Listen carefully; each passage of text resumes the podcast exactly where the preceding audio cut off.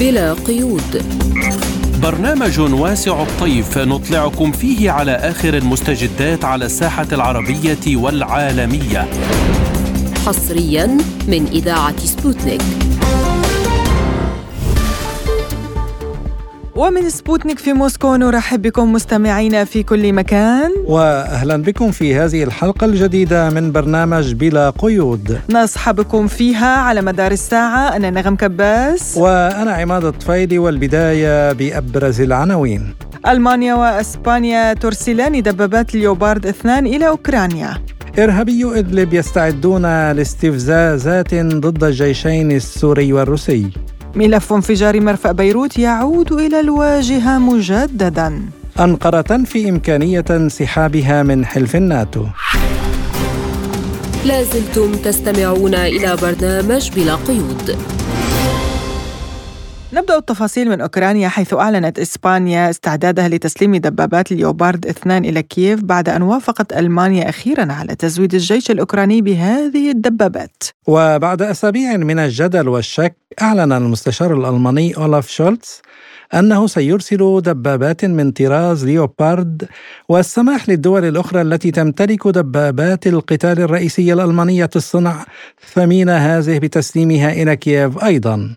كما قال مسؤولون أمريكيون أن دبابات أبرامز التي قد يعلن عن إرسالها في الولايات المتحدة إلى أوكرانيا لن تصل على الأرجح إلى كييف في وقت قريب وعلى الأرجح لن يتم تسليمها إلى أوكرانيا إلا بعد عدة أشهر أو حتى سنين. ويأتي ذلك بعد أن كشفت تقارير صحفية أن الولايات المتحدة تعتزم إرسال حزمة من هذه الدبابات تشمل من 30 إلى 50 دبابة. وانتقد المواطنون الألمان هذه الخطوة حيث قال أحدهم الحكام الأغبياء لدينا يدفعون البلاد إلى الحرب العالمية الثالثة وكل شيء مدبر له.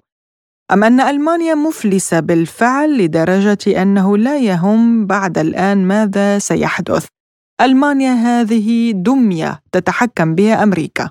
وأعرب المتابع فيليبيو عن أسفه لأن الكثير من الناس سيموتون في حين أن أوكرانيا تواصل الترويج لنفسها من أجل هدف لا يمكنها تحقيقه. دانييل أيضا أشار إلى أنه لا ينبغي أن يغضب المرء أو ينزعج في هذه الحالة إذا ردت روسيا وفقا لمعطيات الغرب.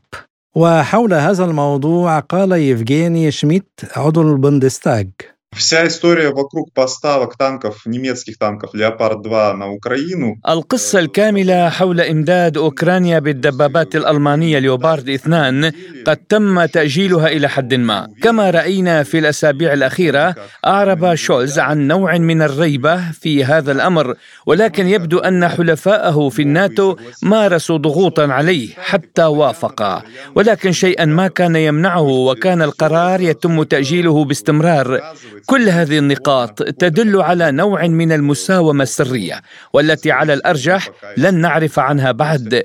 رسميا طلب شحنات مماثلة من دبابات أبرامز من أمريكا ولكننا ما زلنا لا نعرف ما الذي كانت تدور حوله المساومة أيضا.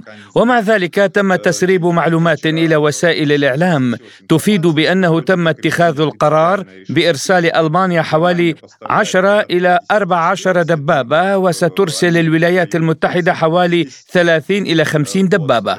من سمات الإمدادات أن ألمانيا تزودها من مخزون البوندسفير الذي يعاني نفسه من نقص المعدات التقنية. بما في ذلك ما يتعلق بدبابات ليوبارد الحالية.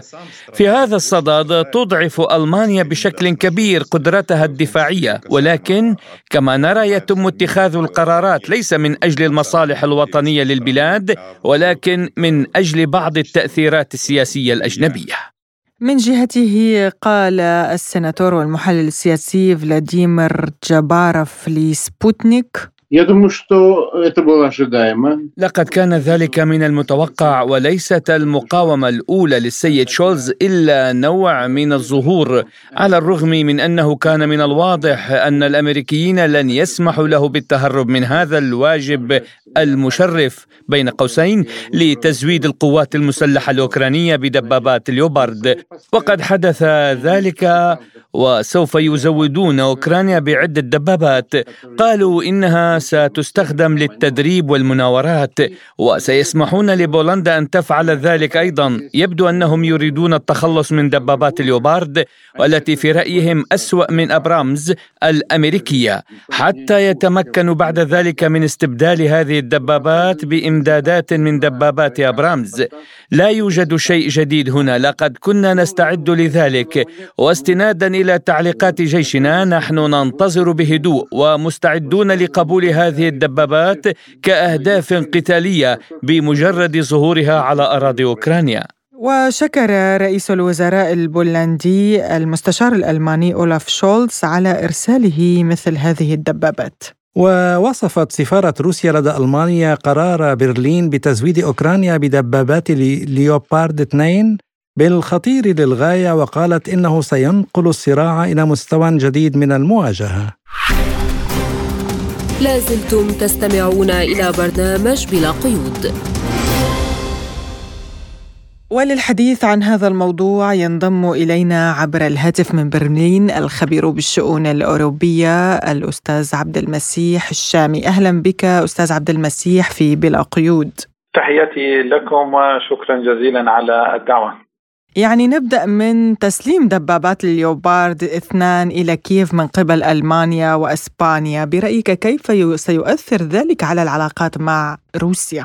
يعني لا شك أن هذا الأمر سوف يؤدي إلى مجموعة كبيرة من التطورات السلبية على كل الصعد ليس فقط على العلاقة البينية بين ألمانيا وبين روسيا بل حتى يعني على علاقة الاتحاد الأوروبي ككل في مع روسيا والأهم والأخطر هو تطورات الوضع الميداني. يعني اليوم إرسال هذه الدبابات بما يعني تحمله من إمكانيات عسكرية سوف يرفع منسوب ومستوى المواجهة وخطورة المواجهة في الساحة وفي الميدان العسكري في في أوكرانيا. وبالتالي هذا يعني يؤدي إلى إلى لا شك يعني مستوى أكبر وحجم أكبر من الخسائر لكل الأطراف وهذا ما كانت تحذر منه روسيا وحذر منه كثيرون ويعني حتى الألمان والأوروبيين لم يكونوا يريدون الدخول في هذا ال ال الأمر ولا يريدون تسليم هذه الدبابات إلى أوكرانيا خوفا.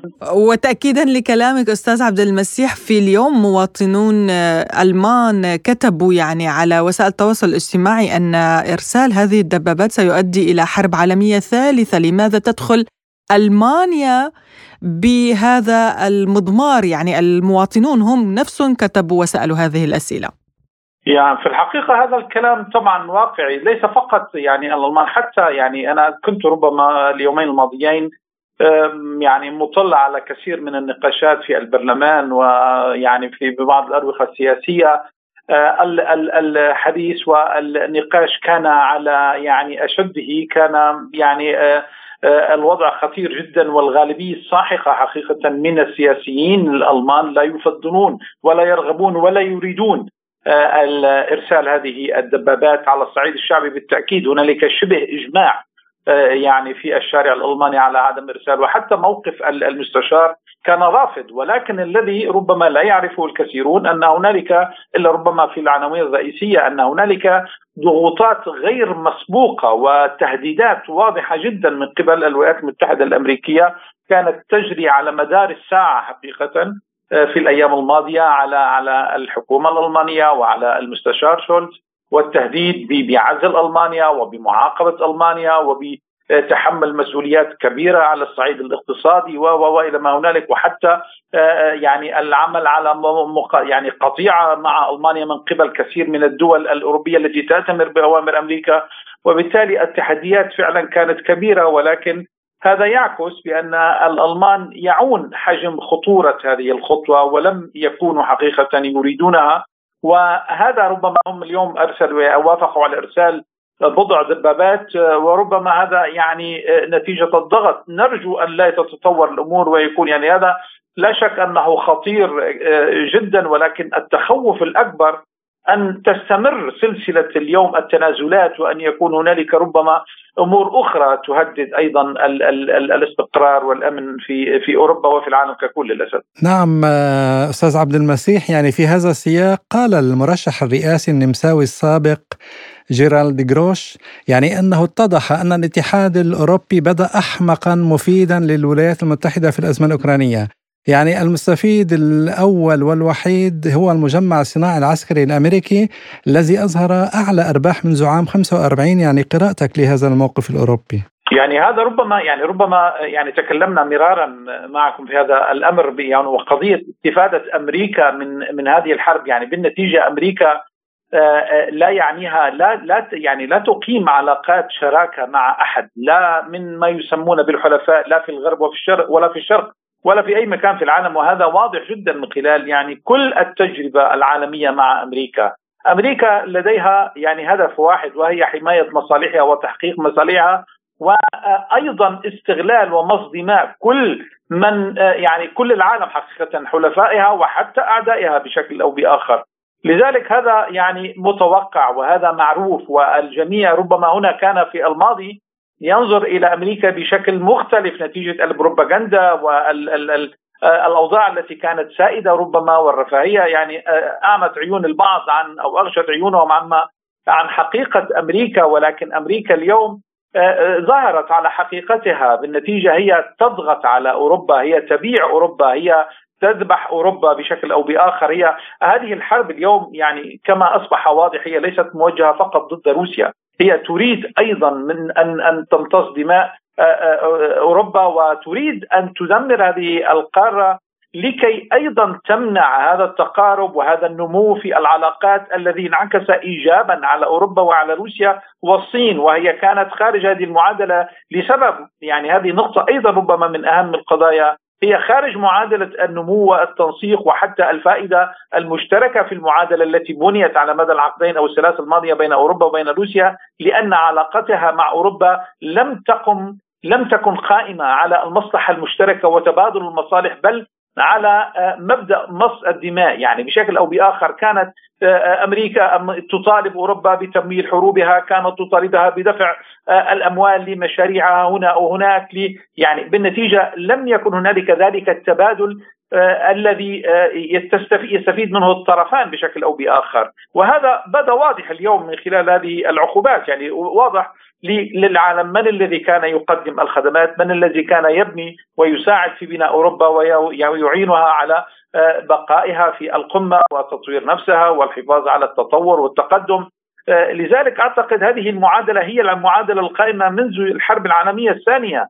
آه، هي طبعا عندما تطورت العلاقات بين أوروبا وبين روسيا والصين طبعا شعرت بأن هذا الكنز هذا المنبع يعني سوف ينضب وسوف يذهب إلى مكان آخر ولذلك كان خيارها أن تدمر اولا العلاقة بين الأوروبيين وبين الروس أن تضعف الطرفين وأن تنهي أوروبا ربما أكثر. يعني هي لن تستطيع إنهاء روسيا ولن تستطيع إنهاء الصين. فكان خيارها الوحيد هو إنهاء أوروبا حتى تمنع هذا هذا التجمع الكبير وهذا التلاقي وهذا التقارب.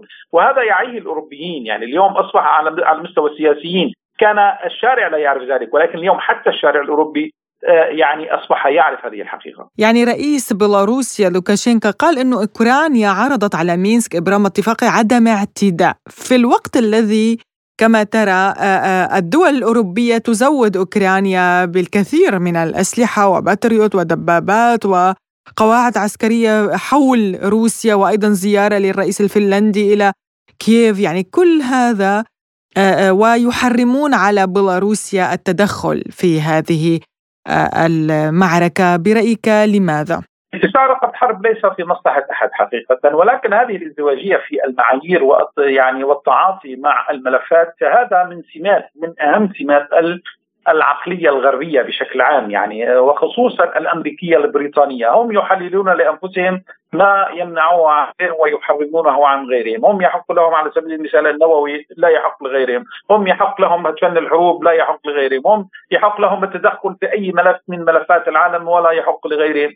وبالتالي اليوم هذا النفاق وهذه الازدواجية في التعاطي وفي المعايير أصبحت مقززة وأصبحت معروفة وأصبحت حتى موقع نقاش كل الحوارات السياسية حتى داخل أوروبا، يعني اليوم في أهم البرامج الألمانية تطرح يطرح هذا السؤال عن ازدواجية المعايير الغربية في التعاطي مع الأزمة الأوكرانية نفسها. ولذلك للأسف الشديد هذه هي البروباغندا هذه هي السياسة الأمريكية. تعودنا عليها في كل حروبها في كل سياساتها في كل ملفاتها وهي تفرض نفسها وتفرضها على حلفائها وغير حلفائها. للأسف الشديد طبعا هم اليوم يريدون إدخال بيلاروسيا. هم طبعا يرفضون أن تتدخل لأن بالنتيجه أيضا آه، آه، بيلاروسيا هي دولة قوية وربما دخولها على المعركة سوف يغير المعايير. ولكن يعني لا بيلاروسيا ولا روسيا تريد توسيع رقعة الحرب آه، هناك. هم يحاولون استجرارها. أمريكا بالأحرى. يعني هنا أيضا دائما أركز على فكرة أن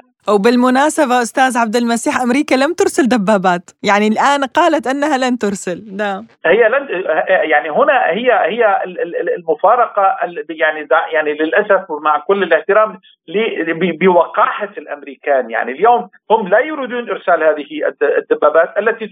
التي هي أقل على فكرة من حيث الفعالية من ليوبارد. ولكن أو يعني مساوية لها لكن هم يرفضون لأسباب يعني الأوكران لا يعرفون تشغيلها ويعني تكلفتها غالية وإلى ما هنالك ولكن هم يفرضون على الألمان. وهذا يؤكد النظرية الأساسية أنهم هم يريدون دائما الحروب يعني هم يعيشون دائما هذه الفترة فترة الحروب بالوكالة. هم لا يخوضون حروبهم. هم يريدون كنا نتوقع أنهم يستعملون على سبيل المثال المجموعات الإسلامية المتطرفة التي صنعوها على أيديهم يستعملون آه، آه، يعني دول الشرق الأوسط والدول النامية في آه، خوض حروبهم. ولكن اليوم انتقلت هذه المعادلة وهذه الاستراتيجية حتى إلى الغرب ويعني ألد حلفاء كما يقال. هم يحاولون أوروبا لحطب محرقة لحروبهم، هم لا يريدون أن يتكلفوا أن يدفعوا أموال ولا يريد أن يشاركوا ولا يريدون حتى يعني هدر دماء الأمريكيين هناك، يجب على أوروبا أن تحارب، يجب على أوروبا أن تمول، يجب على أوروبا أن تعطي السلاح ولكن هي متفرغه وهي تدير، هي تحصد النتائج فيما بعد وحتى الآن هي طبعا تحصد النتائج بشكل كبير جدا وهي تفرض على الأوروبيين شراء السلاح أيضا من أمريكا بمئات المليارات. ولكن آه، للأسف الشديد يعني المخزي والمخجل والشيء الذي لا يمكن فهمه هو هذا التراخي وهذا الانسياق الأوروبي. حتى الآن وراء الإملاءات وراء السيطرة والهيمنة الأمريكية، هذا أمر غير مفهوم حتى للشارع الأوروبي. سؤال أخير أستاذ عبد المسيح يعني من وزارة الدفاع إلى القضاء وصولا لمكتب الرئيس يعني تشهد القيادة الأوكرانية سلسلة استقالات على خلفية قضايا فساد هزت العديد من القطاعات الحكومية، قراءتك لهذه التغييرات وما الهدف من ذلك برأيك؟ يعني هذه ربما إحدى أهم يعني العلامات التي يمكن أن يستدل منها المرء على لشرح أو لفهم ما يجري في في أوكرانيا. يعني اولا طبعا يعني واضح أن الذي يحكم أوكرانيا اليوم هي عصابة من المرتزقة يعني مرتزقي الحروب الذين يعتاشون على الحروب وعلى يعني العمل لصالح دول آه، إرهابية كأمريكا، اليوم يعني هذا يؤكد اولا أنه لا يوجد لهؤلاء يعني آه، قضية، هم لا يحاربون من أجل قضية، من يبيع آه، يعني جيشه ويبيع مواطنيه ويمارس الفساد داخل بهذا الحجم الكبير. يعني نحن نتكلم عن حجم مهول من الفساد يطال كل مؤسسات الدولة من أعلى المستويات إلى إلى أقلها. وهذا يعني أن المؤسسة الحكومية الدولة برمتها فاسدة. لا يمكن أن يكون هنالك فساد في هذا الحجم ولن يكون الرئيس على سبيل المثال شريك به أو أو متغاضي عنه بالحد الأدنى ومتغاضي عنه لأسباب هنا يجب يعني وضع علامات استفهام لماذا؟ بالنتيجة هذه المجموعة هذه الحكومة لا يعنيها يعني لا تحارب من أجل قضية وحتى آه، ليست خائفة يعني عندما ينتشر الفساد بهذا الشكل بهذا الشكل هي ليست خائفة حتى من نتائجه هذا يعني بأنها هي تعمل لأجندة تعرف أنها إذا كشف فسادها آه، لن يغير شيء لن يغير في المعادلة ولن يطالها أي شيء وبالنتيجة حتى يعني محاكمة الشعب لها أو يعني رأي الشعب لها لا, لا يعني. ولكن بكل الأحوال هذا يؤكد بأن الذي يحكم أوكرانيا اليوم هي عصابة من المافيات والفاسدين الذين يأتمرون بأوامر الخارج لصالح مشاريع خارجية ولا يملكون مشروع وطني ولا أي قضية وطنية كما يروجون. الخبير في الشؤون الأوروبية عبد المسيح الشامي كنت معنا من برلين شكرا جزيلا لك أستاذ عبد المسيح. شكرا جزيلا لكم صديقي. لازلتم تستمعون إلى برنامج بلا قيود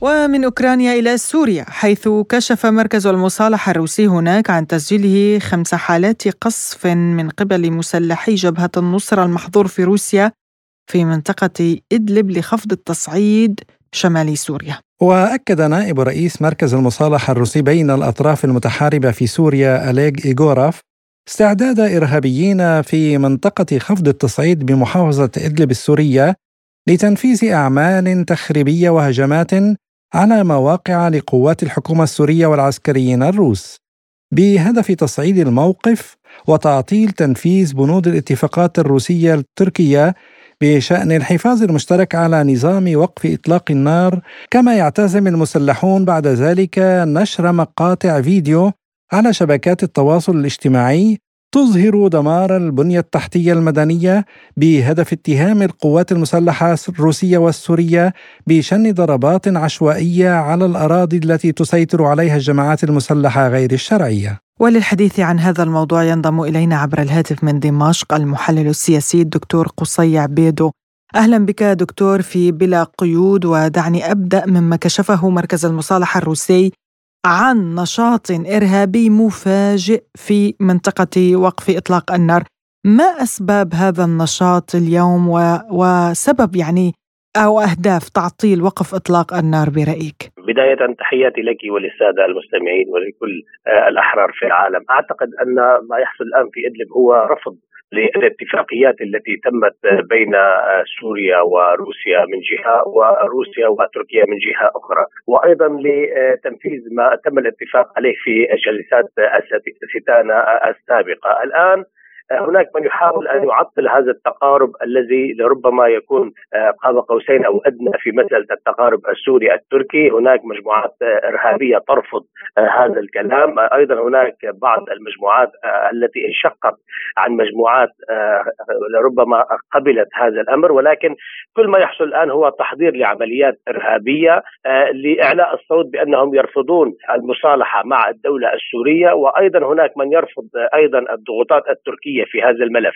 آه، بالعودة إلى آه، إلى آه، شهر قبل قبل الآن هناك بعض المجموعات الإرهابية التي دعيني أقول أنها لم تعد تأخذ تعليمات من أحد بهذا المعنى بالمعنى الاستخباراتي خرجت من العباءة التركية رفضا لهذا التقارب كما ذكرنا وأيضا لا تريد سوى أن تبقى في هذه البقعة. يعني لا تريد الدخول إلى الداخل السوري ولا تريد مغادرة الحدود التركية. كل هذا الأمر خوفا على أنفسهم بين قوسين وهذه تصريحاتهم طبعا خوفا على أنفسهم من موضوع الجيش السوري. وبالتالي الجيش السوري فتح المعابر للمدنيين وفتح آه، آه، ملف المصالحات والسيد الرئيس أظهر وأعلن عن العفو الرئاسي الدائم المستمر لمن يريد أن يلقي السلاح ويسلم نفسه للدولة السورية تحت التسويات والمصالحات. والضامن كان الروسي في هذا الملف. اذا الأمر الآن هناك من يرفض هذا التقارب. هناك أيضا املاءات خارجية. لا أقول أن كل المجموعات الإرهابية آه، خرجت من تحت العباءة الأمريكي وبعض الدول التي حتى الآن تمول وتدعم بالمال والسلاح لاستمرار آه، التخبطات في آه، على الساحة السورية ولعدم التقارب آه، الذي لربما هناك دول أيضا ترفض هذا التقارب بين سوريا وتركيا. أستاذ قصي يعني يقوم المسلحون بتجميع المدرعات والطائرات المسيرة وقاذفات الصواريخ المتعددة وسابقا كانت تدخل من تركيا ولكن حاليا أنقرة تريد التقارب مع دمشق فمن يدعمهم إذا؟ هناك آه، آه، الحدود بين سوريا والأردن هناك الحدود بين سوريا والعراق والحدود بين سوريا وتركيا. آه، مطالب دمشق كانت لكل الدول المجاورة بإغلاق الحدود وتتكفل الدولة السورية بباقي الأعمال في الداخل السوري. الآن عندما نتكلم عن التقارب السوري التركي الشروط التي على الطاولة كانت ليست قريبة ولكن هي منذ بداية الحرب على سوريا كانت الشروط آه، سوريا لن تشكل أي خطر على الأمن القومي لتركيا وبالتالي يجب أيضا أن تركيا لا تشكل خطر على أمن دمشق، فلذلك كانت الحدود مفتوحة وكان يدخل كل شيء إلى الداخل السوري ولتمويل المجموعات الإرهابية، الآن عندما نتكلم إذا كانت تركيا قد لم تسمح بمرور هذه العربات الثقيلة أو الآليات الثقيلة أعتقد أنها تدخل من جهة العراق وبالتالي قاطرات النفط و صهاريج النفط والقاطرات التي تحمل الحبوب التي يخرج بها الجيش الأمريكي ومرتزقته عبر الحدود العراقية إلى كردستان العراق. إذا المسألة واضحة بالنسبة لموضوع التمويل الآن بالمال والسلاح والعربات الثقيلة لتدمير هذا الاتفاق أو هذا التقارب دعيني أقول لم يحصل حتى الآن اتفاق ولكن تقارب وهناك الكثير من اللقاءات التي تحصل على أعلى المستويات للتحضير لهذا التقارب ولكن الشروط الواضحة الآن هي بإغلاق الحدود حتى من جهة العراق. عندما نتكلم عن إغلاق المعابر التي تسمح بمرور القافلات بالنسبة للموضوع الاقتصادي والمعيشي لكلا البلدين. نلاحظ أن الحدود مفتوحة بجانب آخر. اذا المسألة تحتاج لضبط الحدود وتحتاج أيضا لفتح حوارات وتقديم ضمانات لهؤلاء حتى يتم تسويه أوضاعهم. ولكن عندما نتكلم عن عدة أشخاص يسيطرون على هذه الفصائل هم من يرفضون هذا الأمر. ولكن عندما نلاحظ التصريحات التي تأتي من جهة ريف إدلب وريف حلب نصل إلى عفرين إلى معبطلي كل هذه المناطق هناك تصريحات من المدنيين وتصريحات أيضا من بعض العناصر التي لا يسمحون لها بالدخول إلى المعابر التي فتحتها وجهزتها الدولة السورية. اذا كل هذه الملفات أعتقد أنها هناك من يسعى ويمول هذا الأمر. ولكن دخول الآليات أعتقد أنها دخلت من جهة الحدود مع العراق. برأيك هل الغايه تشتيت الجيش الروسي بين أوكرانيا وسوريا يعني خاصة أنه وقف إطلاق النار أصلا تم برعاية روسية؟ أكيد هو محاولة إنهاك الجيش الروسي وتشتيت انتباه القيادة الروسية وأيضا السورية وكل هذا الحلف واعتقد أن هو هم لا يحتاجون لهذا التشتيت بالمعنى الحرفي ولكن عندما نتكلم عن حرب روسيا في أوكرانيا أعتقد أن العالم أجمع الآن يحارب روسيا.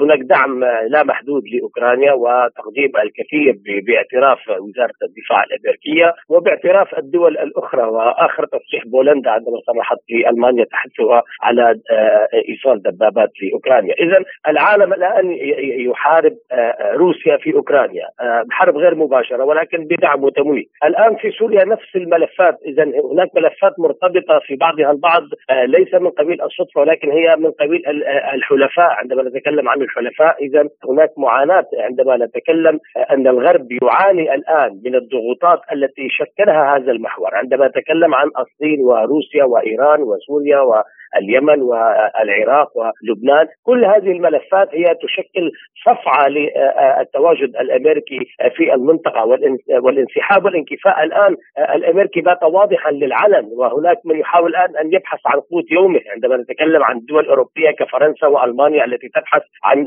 أرضاء شعوبها لأن الشعب الشعوب الأوروبية لن تصبر كثيرا. وإذا مرت هذه الأشهر القادمة لن لن يمر هذا العام دون حصول فوضى عارمة في أوروبا. آه الآن عندما نتكلم عن ملف إدلب العالم ينظر إلى التقارب السوري آه التركي، هناك من يريد أن ان يلغي هذا الاتفاق وتحديدا عندما نتكلم عن آه أعداء سوريا، لن أدخل في في المصطلحات والكلمات عندما نتكلم عن أمريكا، عندما نتكلم عن إسرائيل، عندما نتكلم عن أوروبا، كل هذه الدول الآن لا تريد سوريا متعافية وسوريا قوية. اولا لأسباب عدة، سوريا أيضا دولة غنية على البحر المتوسط تتمتع بثروات باطنية هائلة اكتفاء ذاتي موجود للدولة السورية سوريا صلة وصل بين بين إيران والمقاومة في فلسطين وفي لبنان وسوريا داعم للقضايا العربية، اذا كل هذه الملفات لا يريدون أن تكون سوريا متعافاة الآن وبالتحديد هذه الضغوطات بدأت بشكل ثنائي عندما نتكلم عن التقارب السوري التركي من جهة وعندما نتكلم كما ذكرت في السؤال عن إلهاء روسيا الدولة الروسية في ملف سوريا وإشغالها عن ملف أوكرانيا. المحلل السياسي الدكتور قصي عبيد وكنت معنا عبر الهاتف من دمشق. شكرا لك على هذه المداخلة. لازلتم تستمعون إلى برنامج بلا قيود. وإلى لبنان حيث قال مدعي عام محكمة التمييز هناك غسان عويدات إن المحقق العدلي بانفجار مرفأ بيروت طارق بيطار لم يعد له صلاحيات بحكم القانون وطالب الأجهزة الأمنية بعدم تنفيذ قراراته. وكان القاضي البيطار قد أصدر قرار ادعاء بحق عدد من القضاة وكبار القادة الأمنيين في لبنان بعد استئناف التحقيقات المتوقفة منذ نحو عام. فلماذا عاد البيطار بعد أكثر من عام على تعليق عمله؟ وما دلالات التوقيت؟ وللتعليق على هذا الموضوع إليكم ما يقوله الخبير القانوني والدستوري الدكتور عادل يمين في حديث لبلا قيود. عن قراءته للمشهد القضائي الحاصل حاليا في لبنان.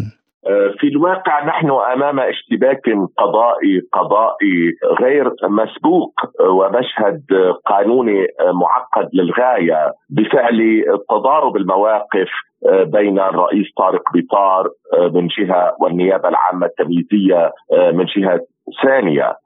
وقرار القاضي طارق بيطار كان مفاجئا للغاية. في عودته إلى التحقيقات بعد نحو سنة وشهرين من عزوفه عن استكمالها بانتظار البت بطلبات الرد التي وردت ضده. وموقفه المفاجئ يتعارض مع التدبير الذي كان اتخذه في إحجامه عن الاستمرار في التحقيقات لحين الفصل من قبل محكمة التمييز آه، المدنية آه، بطلبات الرد التي وردت ضده باعتبار أن مجرد ورود طلب الرد يوقف أو يعلق عمل القاضي. إلى أن اعتبر في قراره الأخير أن قضاة التحقيق العدليين هم خارج نظام الرد وخارج نظام طلب النقل. حتى يثار التساؤل لماذا اليوم أو بالأمس القريب اعتبر ذلك القاضي طارق البطار ولم يعتبر ذلك ولم يأخذ بهذه الوجهة ولم يعتمد هذا التفسير منذ سنة وشهرين. ولماذا امتنع عن الاستمرار في التحقيقات منذ سنة وشهرين. وفوق ذلك نلاحظ أن هذا القرار يتعارض مع قرار الهيئة العامة لمحكمة التمييز التي اعتبرت أن قضاة التحقيق العدليين يخضعون لنظام الرد وحددت آه، المحكمة التمييزية الغرفة الأولى تحديدا كمحكمة مختصة للنظر بطلب رد القاضي طارق بطار في دعوى انفجار مرفأ بيروت. وفيما يخص مسألة توقيت هذه العودة بالمستجدات الحاصلة بشأن تحقيقات الوفود القضائية الأوروبية في لبنان يقول يمين هناك أكثر آه، من تفسير للتوقيت الذي صدر بموجبه قرار الرئيس طارق بيطار آه، فقد يكون من دون ربط بأي أحداث أخرى وأي زيارة أخرى وقد يكون بنتيجة تكون قناعة لدى الرئيس طارق بيطار أو بنتيجة آه، مطالبات ملحة من أهالي الشهداء والضحايا. وكذلك بعض الموقوفين الذين أطلق سراحهم في قراره الأخير. وقد يكون بنتيجة مراجعات آه، دولية للبنان آه، ولكن تأكيد ذلك ليس بمتناول اليد لأنه يتصل بمحاكمة البواطن والنوايا وهي مهمة لا أحسن توليها. كما أن هذا الموقف المستجد للقاضي طارق بيطار يتعارض مع قرار محكمة التمييز الغرفة الجزائية التي قررت نقل القاضي التحقيق العدلي السابق الرئيس فادي الصوان من ملف مرفأ بيروت وبنتيجة قرارها تم تعيين القاضي آه، آه، طارق البطار لاحقا من قبل وزير العدل وبموافقة مجلس القضاء الأعلى. كقاضي تحقيق عدلي يخلف القاضي آه، فادي صواب كما أن عنصر الاستغراب في موقف الرئيس طارق بطار يتمثل بأنه اعتبر أن المحقق العدلي لا يحتاج إلى اذونات من الإدارات والمراجع المختصة لملاحقة الإداريين والموظفين والأمنيين وحتى النواب في حين أنه سبق ووجه طلبات لاذونات ملاحقة للإدارات المعنية والمراجع المختصة كما طلب رفع الحصانة عن ثلاثة من النواب في سياق الملف عينه من البرلمان من دون أن يرد جواب البرلمان على هذا الطلب. الأمر الذي يقود إلى القول إن قرار الرئيس طارق بيطار مع تأكيدنا أن اللبنانيين يتعطشون إلى الإسراع في إحقاق الحق وتحقيق العدالة سواء لشهداء وضحايا وجرحى جريمة العصر انفجار مرفأ بيروت أو فيما خص الموقوفين احتياطيا ولكن ذلك لا يلغي الأسئلة الكثيرة التي تحوم حول قرار الرئيس طارق بطار. وفيما إذا كان التحقيق الذي يجري منذ ما يقرب من ثلاث سنوات سيصل للعثور على الجنات ومحاكمتهم في نهاية المطاف يقول يمين. نأمل ذلك ونطالب بإلحاح بذلك. مسألة الإفلات من العقاب يجب أن لا تحصل في ملف انفجار المرفأ. وكل اللبنانيين يتعطشون إلى لحظة إعلان الحقيقة وجلائها وتحقيق العدالة. ولكن من الراهن اننا نشهد تعقيدات وصعوبات واضحة أمام بلوغ هذه اللحظة ولكن يجب أن لا نكل ولا ولا أن نمل كلبنانيين من أجل الدفع باتجاه إنجاز التحقيقات ومن ثم المحاكمات في جريمة العصر. استمعنا إلى ما قاله الخبير القانوني والدستوري الدكتور عادل يمين. وبدوره يقول الخبير في ملف التحقيقات بانفجار مرفأ بيروت يوسف دياب لبرنامجنا عن قراءته لما يجري في الساحة القضائية اللبنانية وتداعيات ذلك على الانقسام السياسي والقضائي في البلاد؟ لا أستطيع أن أتكهن عن التوقيت الذي عاد به القاضي طارق بطار هذه اعتبارات تعود إليه ولكن بحسب ما فهمنا منه وبالمعلومات التي قدمها خلال إعلان عودته أنه أنجز دراسة قانونية مستفيضه ومسهبة واجتهادات قانونية تتيح له العودة إلى عمله كمحقق عدلي هو يقول يقول أنه انتظر أكثر من يعني سنة آه، وأعطى المجال لكل المحاكم التي آه، يعني تنظر بدعاوى رده وتنحيته لتبط في هذه الدعوة لكنها لم آه، تقدم على هذه الخطوة. لذلك هو أراد أن يكسر الحلقة المقفلة في ملف انفجار مرفأ بيروت ووضع هذا الاجتهاد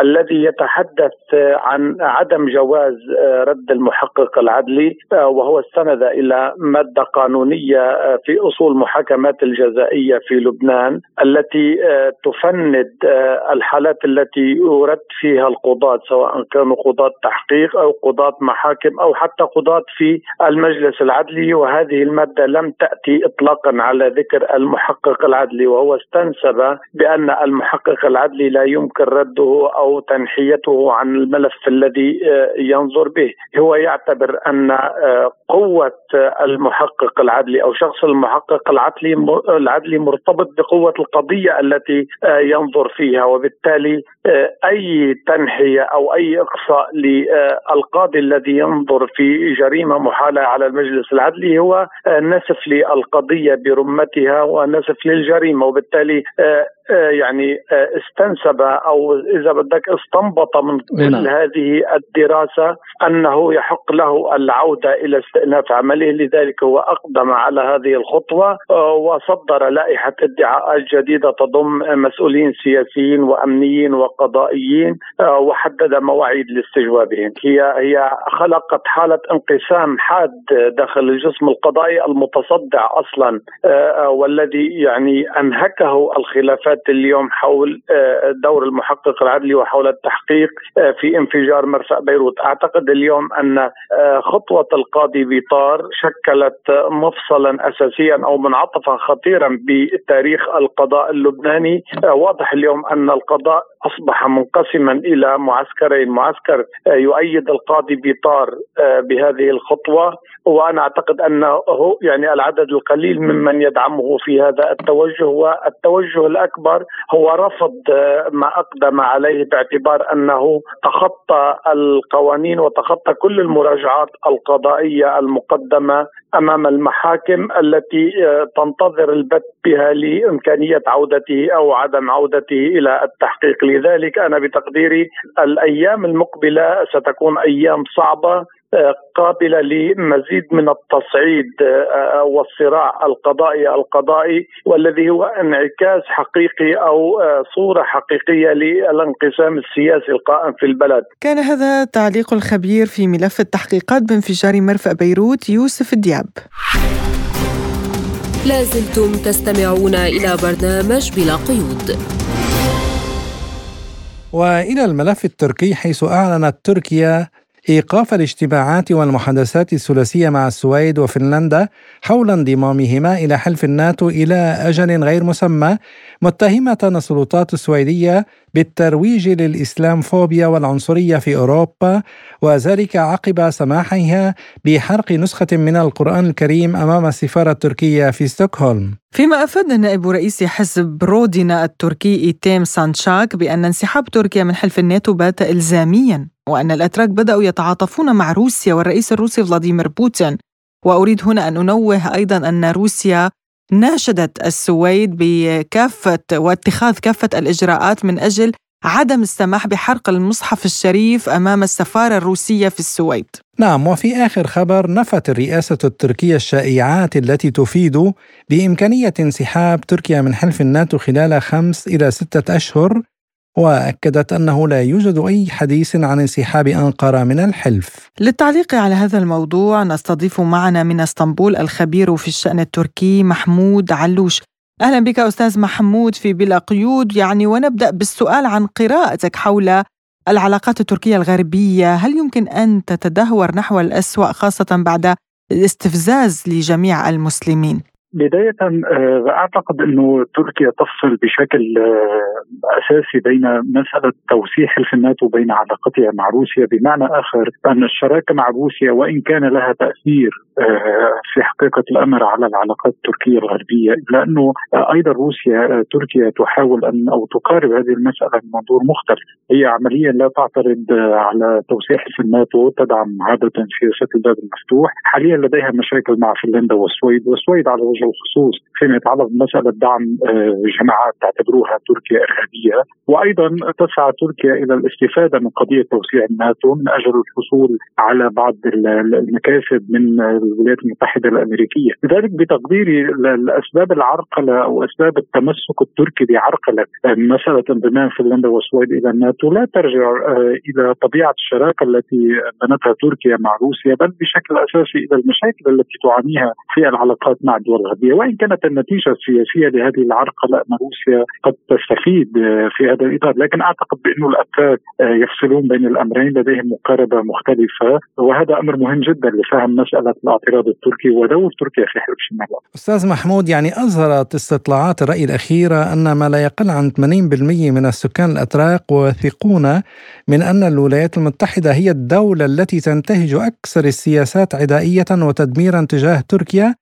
حتى أنه في الآونة الأخيرة أصبح الشعب التركي أكثر تعاطفا مع روسيا والرئيس بوتين تعليقك على هذا الاستطلاع. نعم أعتقد أنه هذه المسألة آه، هي موجودة بالفعل. وبالمناسبة يعني آه، مسألة الميول الاوراسيه للشارع التركي في زادت خلال العقود الأخيرة بطبيعة الحال ومسألة آه، لم تكن وليدة اللحظة بتقديري يعني إذا رجعنا إلى التاريخ قليلا عندما فرضت الولايات المتحدة الأمريكية حظر على تصدير الأسلحة إلى تركيا في ستينيات القرن الماضي وسبعينيات القرن الماضي ردا على التدخل العسكري التركي في قبرص. بدأ هذا هذا التصور يظهر في في تركيا بشكل على نطاق واسع اما على مستوى الشارع أو على مستوى صناع القرار بان الولايات المتحدة الأمريكية لا يمكن أن تكون صديقا لتركيا بل تتصرف على أنها عدو لتركيا في المسائل الحيوية لتركيا. وبالتالي هذا التصور هو قائم بالفعل. آه، خلال العقدين الماضيين من حكم الرئيس رجب طيب إردوغان بتقديري ازداد هذا التصور بشكل أكبر. آه، أنا أعتقد انه السبب الأساسي يعود إلى المشاكل المشاكل الكبيرة التي تواجهها العلاقات التركية الأمريكية لا سيما في السنوات الأخيرة على سبيل المثال مسألة الدعم الأمريكي للوحدات الكردية في سوريا، الدور الأمريكي المفترض في محاولة الانقلاب العسكري الفاشله في عام 2016 الاصطفاف الأمريكي إلى جانب اليونان فيما يتعلق بالخلافات مع تركيا وهي أيضا هي مسألة آه، مهمة. آه، في المقابل نجد بأن روسيا نجحت إلى حد كبير في بناء شراكة تعاونية تنافسية مع تركيا في كثير من المجالات بينما أصدقاء الولايات المتحدة أصدقاء تركيا المفترضين وهم الدول الغربية لم يقدموا لتركيا ما تحتاجه فيما روسيا التي يفترض أنها خصم ومنافس لتركيا استطاعت أو قدمت لها أو على الأقل تبنت مقاربة تراعي مصالحها في كثير من المناطق. ممكن نتحدث عن سوريا مثلا التعاون التركي الروسي فيما يتعلق بالمسائل الأمنية بالإضافة إلى التعاون التنافسي بين تركيا وروسيا في جنوب القوقاز في آسيا الوسطى وغيرها في مجال الطاقة وبالتالي آه، نجحت موسكو إلى حد كبير في تقديم نفسها كشريك يعني آه، يقر بمصالح تركيا وبدور تركيا في السياسة الخارجية في السنوات الأخيرة. أنا أعتقد بانه هذه المقاربة ربما ساهمت كما تفضلت هناك نظرة وتصور متنامي في الشارع التركي على أن الولايات المتحدة الأمريكية هي خصم استراتيجي لتركيا بينما روسيا يمكن أن تكون وإن كانت منافسة إلا أنها آه، لا تؤثر بشكل كبير على تركيا كما تفعل الولايات المتحدة والدول الغربيه. الخبير في الشأن التركي محمود علوش كنت معنا عبر الهاتف من اسطنبول شكرا لك على هذه المداخلة. لازلتم تستمعون إلى برنامج بلا قيود وإلى لبنان أيضا حيث قال وزير الاقتصاد اللبناني أمين سلام إن موضوع القمح والطحين وخبز الناس هو خط أحمر وأمن غذائي واجتماعي وأمن قومي للبنان وأضاف قائلا لسبوتنيك أنا اللي اليوم بدي أقوله إنه بعد عمل تسعة أشهر ورشة كبيرة تقسمت على ثلاث مراحل نقدر اليوم نحن بكل أمانة وبكل ثقة نقول إنه نحن ملف القمح وملف ترشيد الدعم نجحنا فيه ونجحنا إنه نأمن للمواطن اللبناني طمأنينة واستقرار بهالموضوع اللي كثير حيوي وكثير مهم.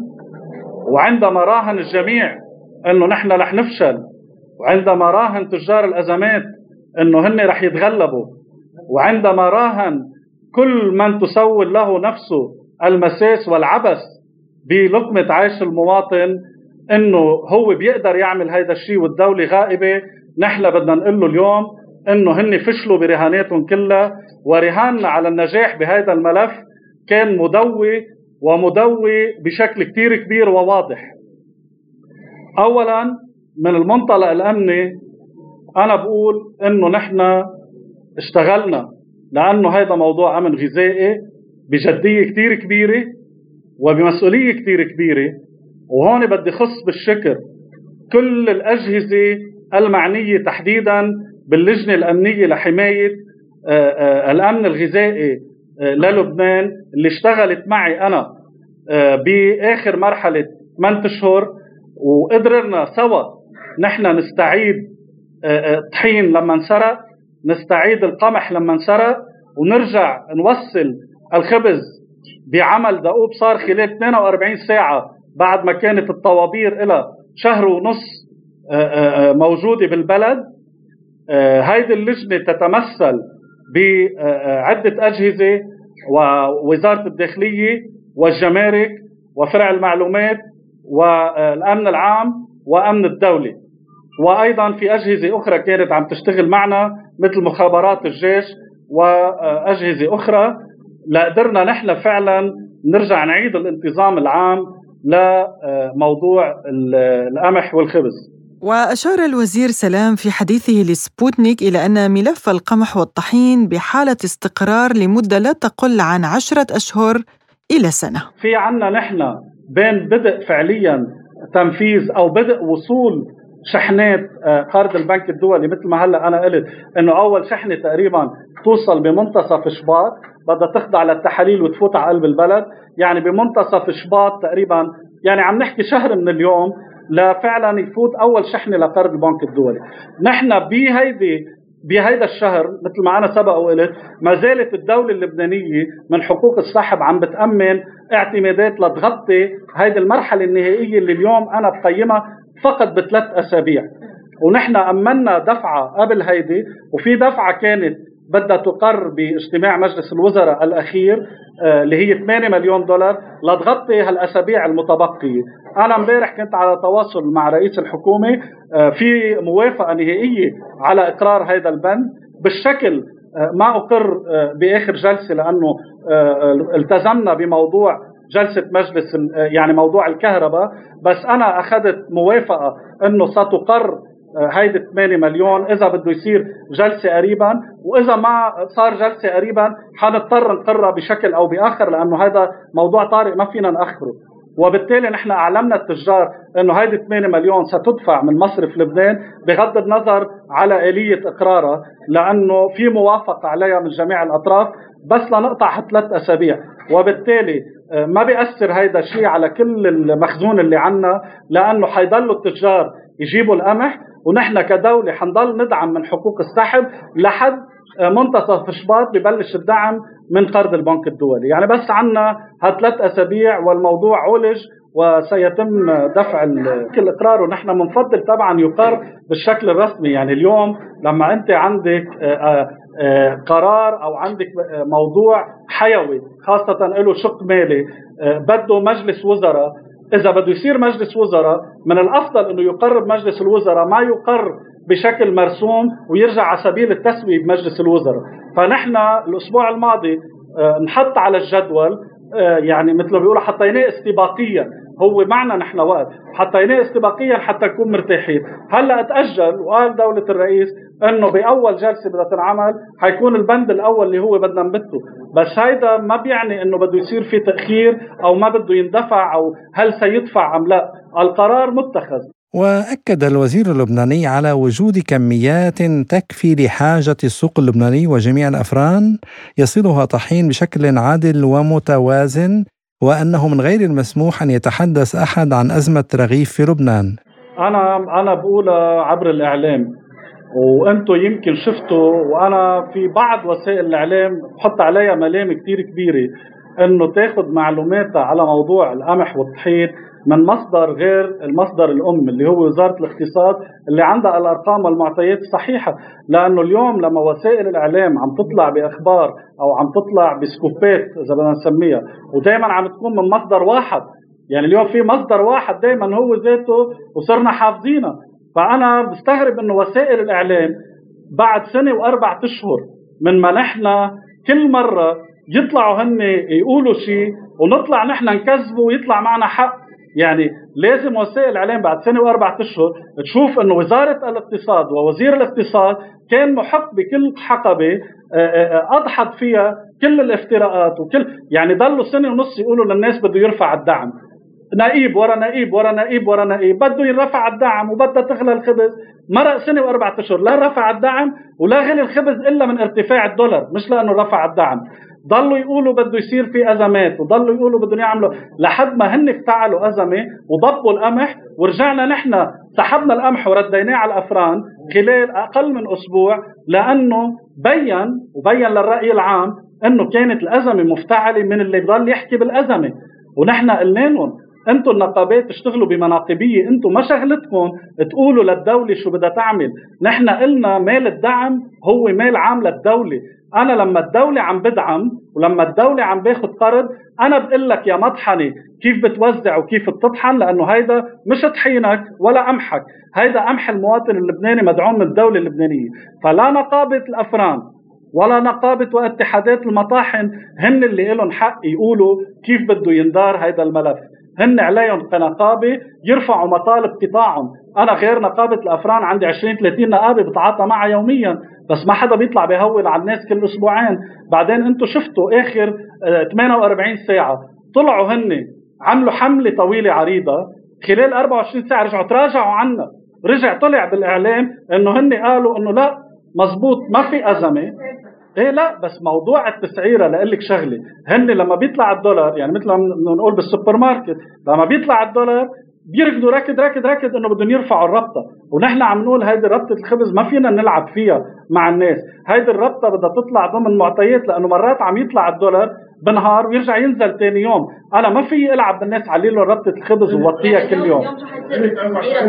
أنا اليوم أنا اليوم من آه، آه، المعطى التقني يعني لتسعير ربطة الخبز. اليوم طلع الدولار فوق 53000 نحن اليوم عم نرجع نعيد النظر لنشوف إذا آه، لازم ينرفع سعر هالربطة ولا ما لازم ينرفع. كان هذا جزء من اللقاء الذي أجرته سبوتنيك مع وزير الاقتصاد اللبناني أمين سلام ويمكنكم مستمعين متابعة اللقاء كاملا على الموقع الإلكتروني لسبوتنيك. لازلتم تستمعون إلى برنامج بلا قيود.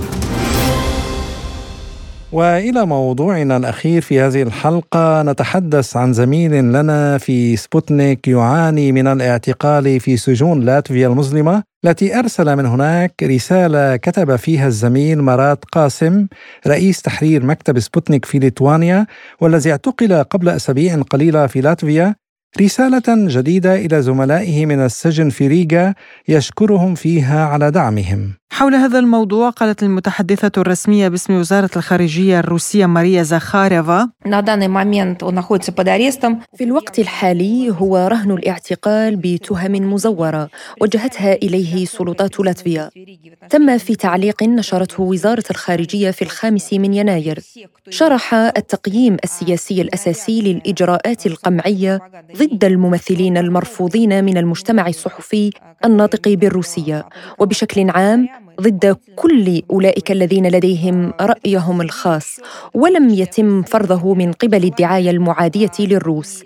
إنها مجرد تصفية للأرقام واضطهاد سياسي ورغبة في كسر الحياة المهنية لشخص ما وترويع الآخرين به ليكون عبرة لمن يعتبر. سنعمل على المشاركة في إطلاق سراح رئيس تحرير وكالة سبوتنيك ليتوانيا من خلال الهياكل الدولية بما في ذلك من خلال الأمم المتحدة واليونسكو. لست متأكدة من أن هناك شيئا ما لا يزال عالقا في منظمة الأمن والتعاون في أوروبا ولكننا على الأقل سوف نلوم منظمة الأمن والتعاون في أوروبا على عدم اتخاذ أي إجراء. نتوقع أن تستجيب المنظمات الحقوقية غير الحكومية للاضطهاد بدوافع سياسية لمرات قاسم على غرار منظمة مراسلون بلا حدود التي أشارت إلى الوضع الذي لا يطاق مع اضطهاد الصحفيين في دول البلطيق. يجب إنهاء الإرهاب السياسي في لاتفيا ويجب إطلاق سراح مرات قاسم واستئناف أنشطته المهنية. وجاء في الرسالة التي كتبها زميلنا شكرا لكم على تعازيكم. لقد كان من الصعب جدا تقبل ما حدث.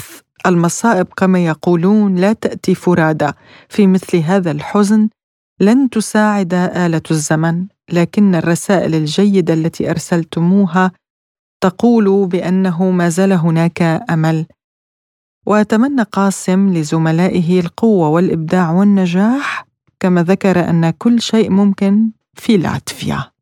مستمعينا الكرام ونترككم الآن مع نبذة عن حياة زميلنا مرات في تقرير الزميل إبراهيم دارينكا. مارات قاسم رئيس تحرير وكالة الأنباء الروسية الدولية سبوتنيك ليتوانيا ولد في مدينة سالاسبيلس الليتوانية من مواليد الرابع عشر مارس آذار عام 1990 خريج من جامعة الصداقة الروسية وحاصل على شهادات البكالوريوس والماجستير والدراسات العليا في العلوم السياسية.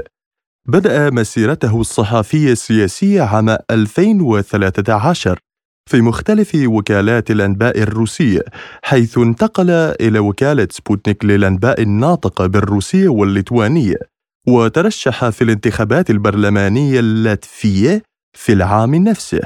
لكن دون جدوى أصبح مارات قاسم رئيسا لتحرير وكالة الأنباء الروسية الدولية سبوتنيك ليتوانيا عام 2017 وحاول من جديد دخول الساحة السياسية في دول البلطيق عام 2018 وبالأخص في لاتفيا غير أن حزبه لم يحصل على مقاعد كافية في البرلمان.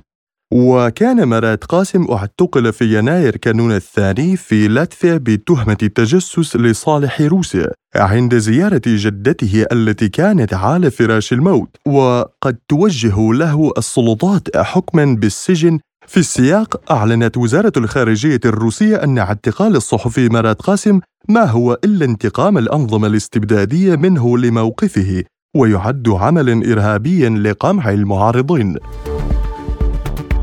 وإلى هنا مستمعينا الكرام تنتهي حلقة اليوم من البرنامج. كنا معكم فيها أنا عماد طفيلي وأنا نغم كباس إلى اللقاء.